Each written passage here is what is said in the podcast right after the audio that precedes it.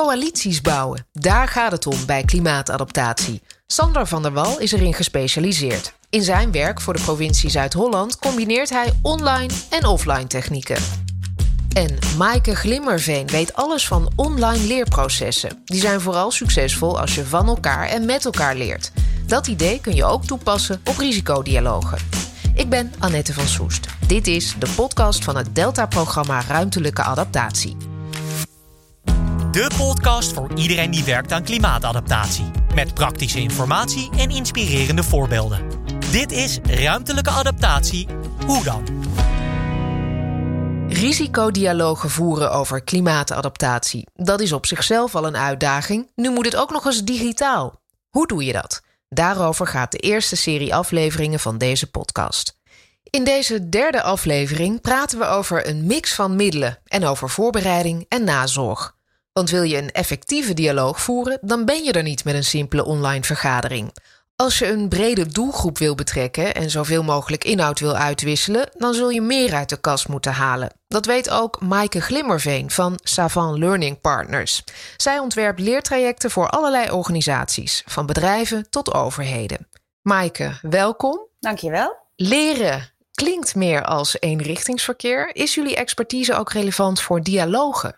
Ja, absoluut. Uh, leren kennen wij natuurlijk uh, allemaal van onze eigen schooltijd. Waarin je gechargeerd gezegd ontzettend uh, traditioneel les krijgt van een docent die voor de klas staat en jou iets leert. Voor mij is leren een veel breder begrip. Voor mij is leren uitgaan van het potentieel dat collega's, mensen om je heen hebben aan kennis, ervaring, inzichten, inspiratie. En zodanig uh, gaan benutten dat je van en met elkaar gaat leren. En daarmee wordt leren uh, tweerichtingsverkeer, misschien wel drierichtingsverkeer. Uh, en ook echt een dialoog.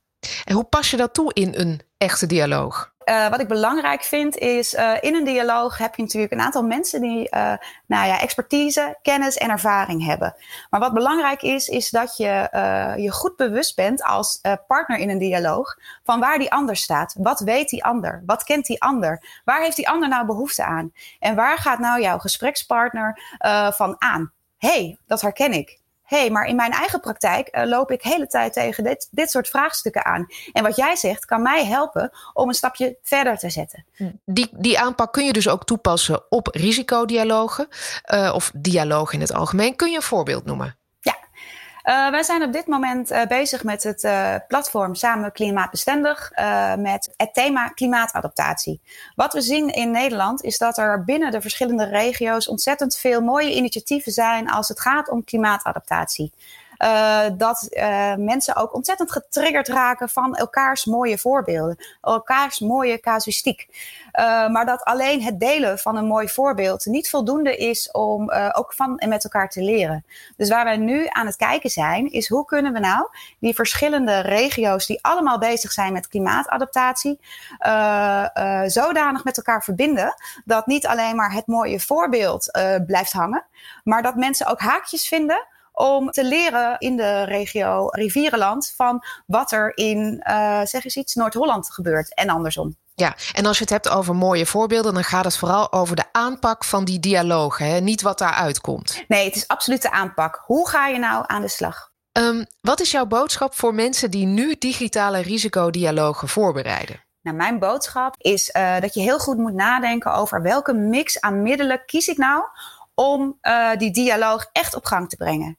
Uh, want ik geloof heel erg dat je daarin diversiteit aan middelen moet gaan kiezen. Zodat mensen ook echt getriggerd raken om aan te gaan. En om ook zelf inbreng te hebben in de dialoog. En ook zelf met voorbeelden te komen. Of uh, uh, met ideeën te komen. Of juist dilemma's te komen. Want het is natuurlijk ook allemaal niet in één keer op te lossen.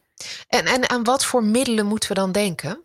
Nou, wat ik altijd uh, zeg is dat je goed moet nadenken over wat kan ik ter voorbereiding op een discussie uh, of een uh, dialoog aan middelen bedenken. Wat kan ik tijdens de dialoog zelf aan middelen bedenken om interactie te realiseren. En wat kan ik achteraf aan middelen meegeven.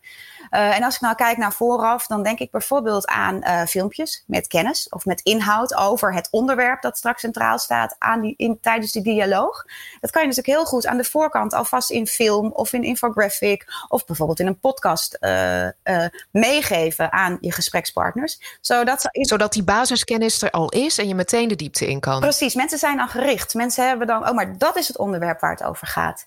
En dan kan je tijdens zo'n online dialoog kun je uh, denken aan een uh, digitale brainstormmuur bijvoorbeeld, waarin je dus mensen digitaal met elkaar, nou ja, zoals je dat fysiek met post-its doet, nu digitaal met elkaar laat sparren over het onderwerp en ook over de posities waarin mensen vanuit hun eigen werkcontext ook bezig zijn met met het thema.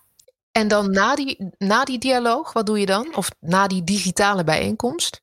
Nou, wat je natuurlijk naast een digitale brainstormmuur nog meer kan doen, is bijvoorbeeld in breakout rooms met elkaar, uh, in, in digitale subgroepjes is dat dus eigenlijk, uh, is gaan verkennen van hoe zien jullie verschillende contexten er nou uit? En wat zijn dan goede voornemens die je straks in je eigen praktijk kunt gaan toepassen om uh, nou ja, het thema klimaatadaptatie in jouw context een stapje verder te brengen.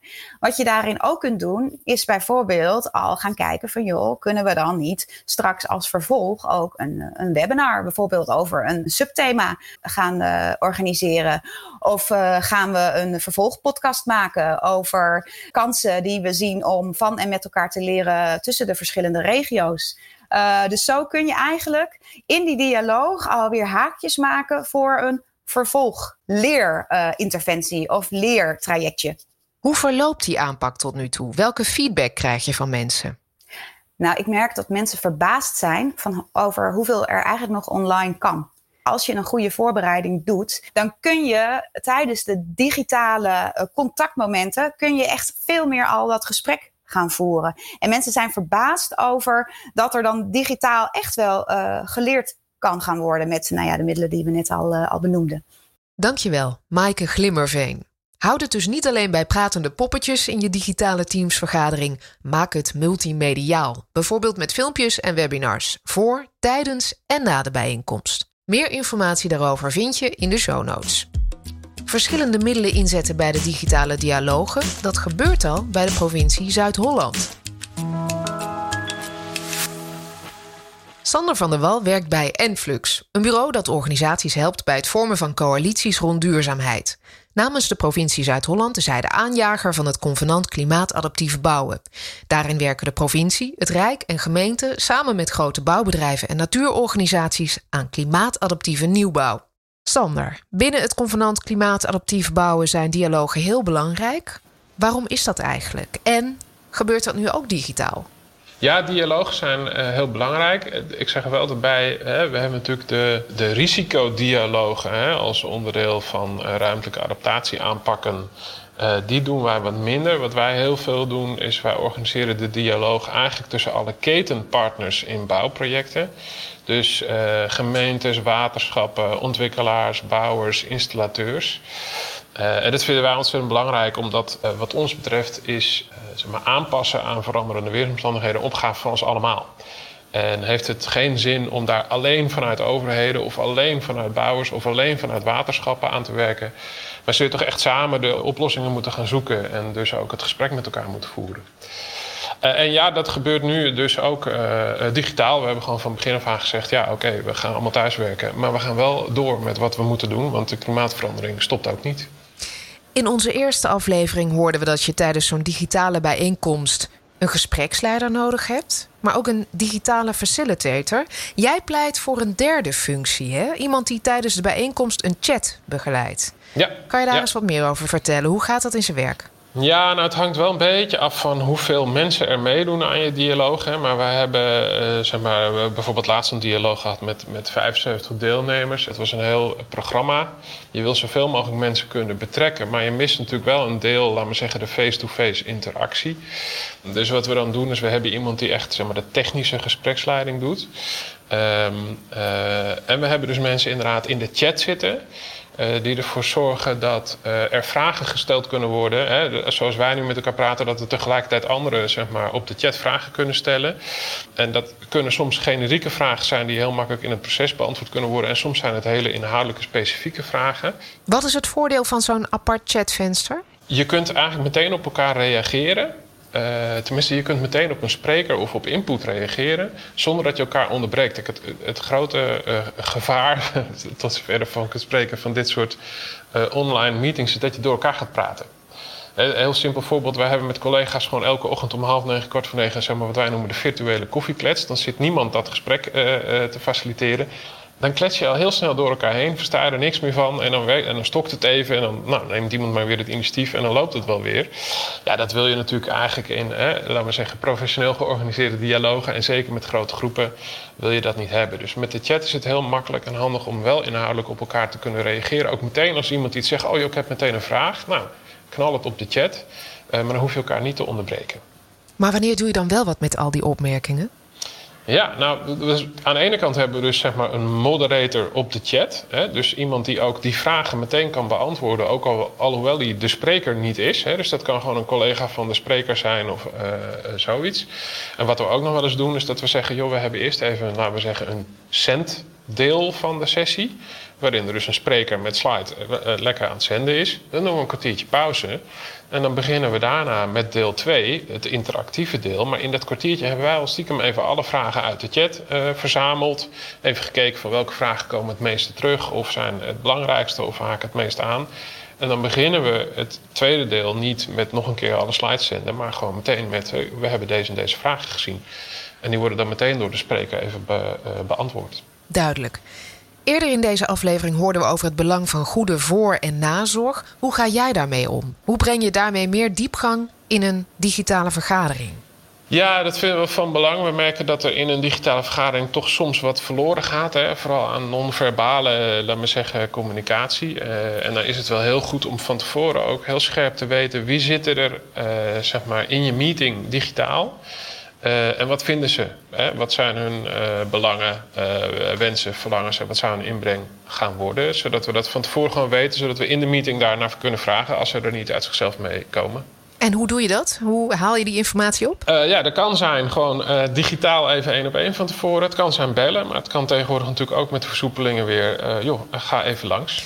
Um, en hoe doe je dat achteraf? Ga je dan ook weer even bij ze langs? Dat kan natuurlijk weer. Ja, maar uh, ja, we kunnen ook gewoon bellen of uh, digitaal doen. Uiteindelijk, het middel is alleen maar een middel en geen doel. En, en wat wil je dan uit zo'n nagesprek halen? Want je zei aan de voorkant wil ik juist weten... wat brengt iemand in, hoe staat hij ervoor of hoe staat hij erin?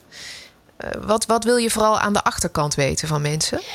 Nou, voor een deel gaat het natuurlijk ook gewoon, hè, hebben we heel scherp overgebracht wat zijn de beslissingen en de uitkomsten van de meeting. Hè. Maar wat ik achteraf ook altijd wel even, als ik iemand niet gehoord heb in een meeting, en dat had ik eigenlijk wel verwacht, dan vind ik het altijd wel belangrijk van, joh, hè, was het verder allemaal oké en is alles gewisseld wat er gewisseld moest worden, en had je daar niks aan toe te voegen? Of nou, was je eigenlijk geërgerd, geïrriteerd, stiekem afgehaakt, heb ik dat niet kunnen zien uh, en heb jij het niet gezegd? Uh, want dan is het wel belangrijk dat we dat even weten van elkaar. Ja. Die nazorg en, en ook voorzorg, eh, is dat mogelijk als je, zoals jij uh, vertelde, een groep van 75 man in zo'n vergadering hebt? Uh, ja, want het gaat niet om alle 75. Hè? Dus voor een heel groot deel ken je de mensen in de meeting. En er zitten ook, laten we zeggen, altijd usual suspects bij. Of mensen met wie je al een, een redelijk intensieve working relationship in goed Hollands hebt. Uh, maar er zijn natuurlijk ook altijd mensen, nieuwkomers of uh, mensen die je nog niet kent, bij wie je nog even gevoel moet krijgen. Ja, om die mensen gaat het vooral. Uh, en ja, misschien zijn dat er tien, misschien zijn dat er twintig. maar dat hoeft zeker niet met alle 75. Nee. Het is nu dus een mix van online en offline. Ja, en ik denk ook dat dat blijft. Ja. Dat was inderdaad mijn volgende vraag. Is het zinnig om dat zo te houden? Nou ja, ik denk het wel. Kijk, in sommige gevallen is het gewoon handiger. Is digitaal gewoon handiger en praktischer. En wat ik zelf dan hebben we een grote vergadertafel, daar zitten vijf mensen aan. Daar staat één camera op en een mooie, goede audio in het midden. En er zitten ook een aantal collega's gewoon vanuit huis in te bellen met hun eigen laptop en hun eigen verbinding. En dat is typisch hybride vorm, waarvan ik denk dat we die wel veel vaker uh, gaan toepassen. Dankjewel, Sander. Er zijn dus allerlei combinaties mogelijk van online en offline vergadertechnieken. Misschien werken die zelfs beter dan alleen offline vergaderen. Maar zorg dan wel voor goede voor- en nazorg, is de boodschap van onze beide gasten. Weet wie je in je vergadering hebt zitten en welke zorgen er leven. Dan kun je daarop doorvragen. Dit was de derde aflevering van Ruimtelijke Adaptatie Hoe dan? De digitale dialogen. Meer weten over de risicodialoog? Kijk dan ook eens naar de routekaart Risicodialoog. Die vind je op ruimtelijkeadaptatie.nl, het kennisportaal van het Delta-programma Ruimtelijke Adaptatie. We zetten alle links ook in de show notes, dat is de tekst bij deze aflevering in je podcast-app. Vergeet niet om je gratis op deze serie te abonneren met de subscribe of abonneerknop. Dan verschijnen nieuwe afleveringen automatisch in je podcast-app. Mijn naam is Annette van Soest. Bedankt voor het luisteren. Deze podcast werd gemaakt door het Delta-programma Ruimtelijke Adaptatie. In samenwerking met Helder en Duidelijk en NAP1 Podcasts.